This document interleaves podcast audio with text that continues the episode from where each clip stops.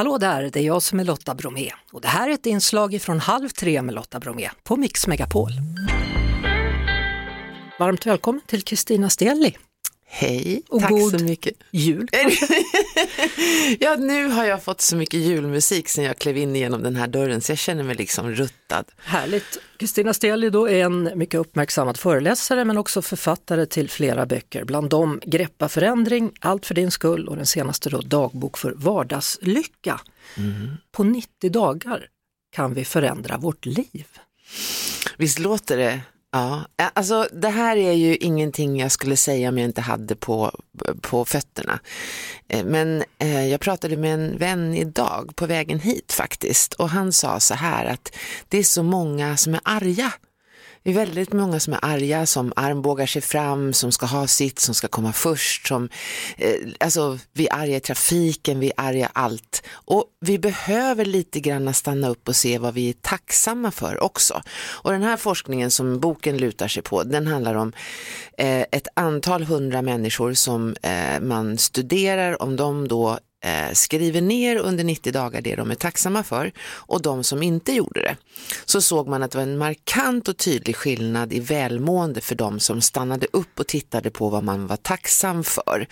För att det gör vi inte riktigt när vi rusar förbi. Nej, och, och du menar att man behöver ge sig själv sju minuter om dagen Ja, absolut. att skriva ner det? Ja. Hur länge har du hållit på med det? Eh, sen, ja nu är det väl, eh, vad kan det vara, 14 år tror jag. Wow.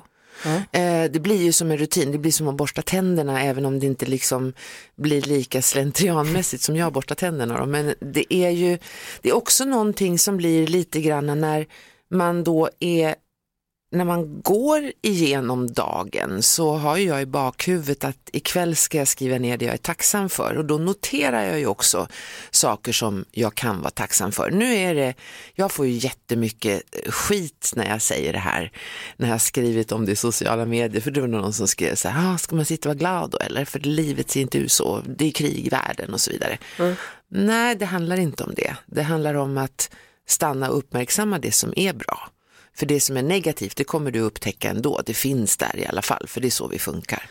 Jag, jag tänkte att vi ska gå tillbaka i tiden, apropå det du säger då, att folk säger lätt för dig att säga och, och hålla på. För det har inte alltid varit så här lätt för dig. Jag menar, vi går tillbaka i tiden till 2004 när allt verkade perfekt, kanske var perfekt, men så ändå kom din man hem och ville ha skilsmässa. Ja, Vad händer då? oj, ja, alltså eh, jag kan väl säga att, att eh, vi är ju några stycken. När man har levt ett tag så har man fått lov att besöka en svart grop där det inte finns några kanter. Eh, man tror att man ska dö. Eh, man förlorar vänner. Eh, man förlorar fotfästet och man hamnar i det som vi lite slarvigt idag kallar för en kris. Men en kris är ju liksom någonting som vänder upp och ner på livet. Eh, Så jag tappade ju fotfästet, det gjorde jag. Ja, Och eh, det var, jag förstår att man, man kan man säga, bli kär och bli okär. Men det är viktigt att veta hur man ska göra ett avslut för att respektera alla som är involverade. Och det var väl lite si och så med det. Men eh, det var, ja vad var det, det var väl ett år, drygt nästan två år som jag låg och tuggade på havets botten och eh, man förlorar sitt jobb och mm, man förlorar fotfästet och eh, man tycker illa om sig själv innan man fattar vad det går ut på. Och jag fick ju ta våra döttrar själv och de var ju ledsna. Så att det var lite körigt. ja, och sen smög du runt och drack lite vin för att Ja, ta dig igenom det oh i ja. smyg. Ja. Det gjorde jag. Ehm, det var väl ehm, under den här mörka tiden så hade jag två vänner, tre, som stannade kvar och de hjälpte mig. Um, de hjälpte mig att eh, rädda stekpannan från att brinna upp. Och, men när jag visste att Ja, när jag visste att, eh, jag minns en jul, det eh, var den första julen, alltid värst de första gångerna efter en, man har förlorat något eller någon. De första gångerna är alltid så här, bara, "Åh, ska jag igenom det här?" för man har så mycket traditioner. Mm. Men den första julen hade jag ju, för det första hade jag gått ner jättemycket för jag kunde inte äta. Och eh, då var döttrarna så här, "Men vi måste fira jul allihopa tillsammans. Och jag ville ju ingenting annat än att bara alltså, gå ner och, och, och lägga mig under ett täcke. Men eh, då gjorde jag det i alla fall. Alltså, Firade jul. ja. Mm. Eh, jag vet, eh, jag, usch, jag, kom, jag, har ingen, jag har inte pratat om det här på så länge, men jag stod i förrådet och drack. Eh, jag hade ju slut på vinet, jag kommer inte ihåg hur det var, men jag, alla, jag hittade en flaska portvin som jag drack. Mm. Bara för att jag var så rädd för, alltså jag visste inte hur jag skulle klara av att se honom då. då. Eh, men, eh, nej, men det gick, det gick bra. Det jag gick, fick ja. hjälp. Alltså viktigt är ju när man hamnar i ett läge där man tappar fotfästet och det måste man veta att det gör alla förr eller senare. Och man måste göra Man är måste också ta ta hjälp. emot hjälp. Ja, men, exakt. Eh, För din del har jag förstått att det handlar mycket om att acceptera det som hade hänt. Mhm. Att det var en skilsmässa. Mm. Att han, ja, att jag, eh, att det var slut.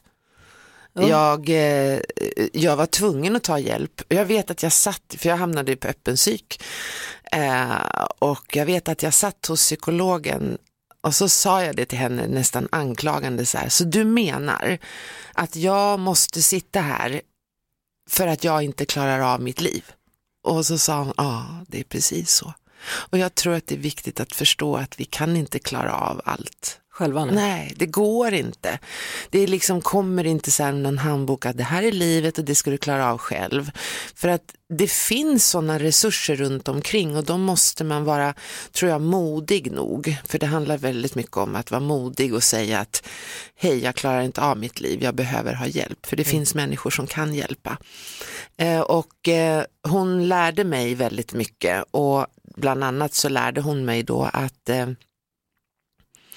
för jag sa så här att jag kommer aldrig acceptera det här, jag kommer aldrig kunna acceptera det här.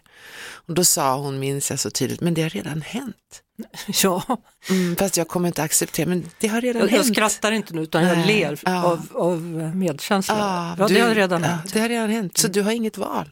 Och, och jag lärde mig att acceptera handlar inte om att du måste gilla läget.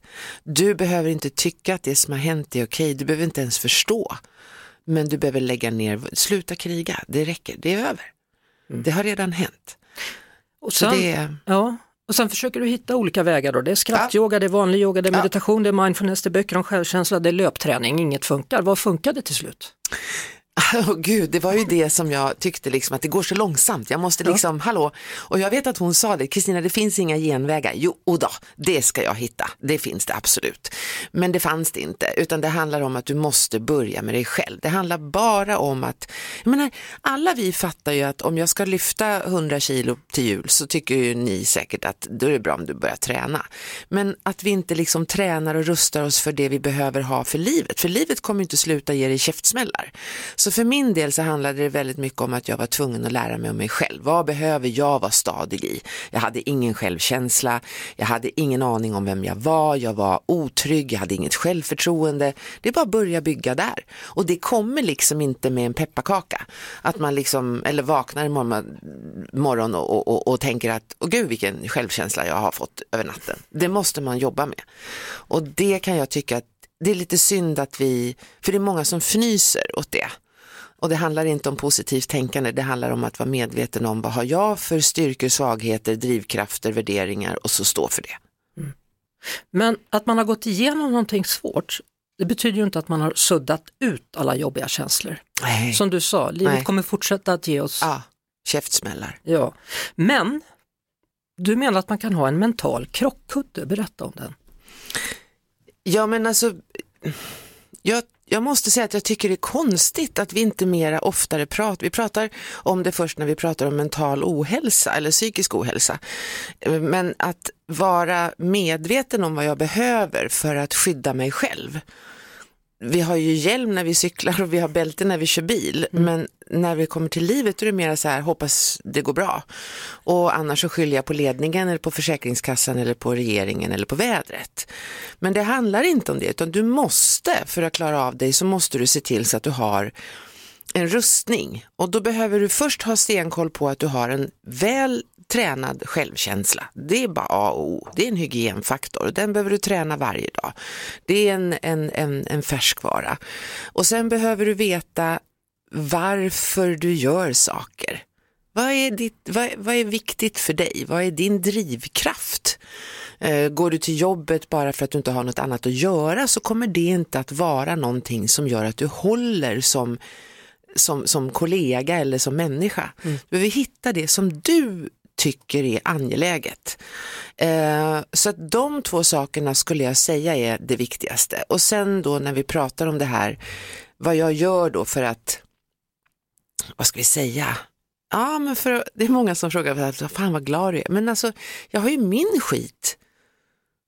Jag vet ju, jag vet ju, som jag sa till dig, jag vet ju, jag har en dotter som ligger på sjukhus just nu på en jävla annat land långt bort. Mm. Förlåt, men det är för långt bort för att jag ska känna mig trygg. Jag vet att jag kommer att förlora min pappa snart. Jag måste ju veta vad behöver jag då för att inte gå under och för att kunna använda dagarna till det jag behöver. Vi har inte så jävla mycket tid på oss. Så jag tror också det handlar om att man, man känner igen när de här destruktiva tankarna kommer. Exakt. Och har man lärt sig att känna igen dem mm. så är det också lättare att hålla dem ifrån sig. Ja men precis, visst är det så. Och tränar jag självkänslan så, bara ta en sån sak, om du tränar självkänslan så, har, så känner du dig aldrig misslyckad. Du, har alltid, du håller, behåller alltid ditt eget värde. Du känner dig aldrig kränkt. Det är sådana saker som är lite skönare och då handlar det här om också att i den träningen, hur, då kan man folk, fråga hur tränar man? Ja, man skriver ner det man är tacksam för. Eh, man skriver ner det som man har gjort bra under dagen. Man mm. skriver ner det man är stolt för. Varför lyfter vi inte upp det? Jag menar, det sägs att barn behöver en, åtta positiva kommentarer för att väga upp en. Alltså tror du det tar slut när vi blir äldre? Nej, Nej det gör ju inte det. Nej, det gör ju inte det. Men vi tycker liksom att, och det negativa får så mycket utrymme, därför så krävs det lite jobb för att hitta det positiva. Jag är oerhört tacksam över att du kom hit idag. Och jag är tacksam för att jag fick och få träffa dig igen. Tack för det. Ja, och alla ni som lyssnar, bär med detta nu då. Särskilt inför julen. Exakt. Eh, det är ju lite tacksamhet där på, på agendan. Ja. ja. Mm. Tack så mycket för att du kom hit Kristina Steli. Och god jul! Ja men detsamma! Vi hörs såklart på Mix Megapol varje eftermiddag vid halv tre. Ett poddtips från Podplay. I podden Något Kaiko garanterar östgötarna Brutti och jag, Davva, dig en stor dos skratt. Där följer jag pladask för köttätandet igen. Man är lite som en jävla vampyr. Man har fått lite blodsmak och då måste man ha mer. Udda spaningar, fängslande anekdoter och en och annan arg rant. Jag måste ha mitt kaffe på morgonen för annars är jag ingen trevlig människa. Då är du ingen trevlig människa, punkt. Något kajko, hör du på podplay. Därför är gardinerna.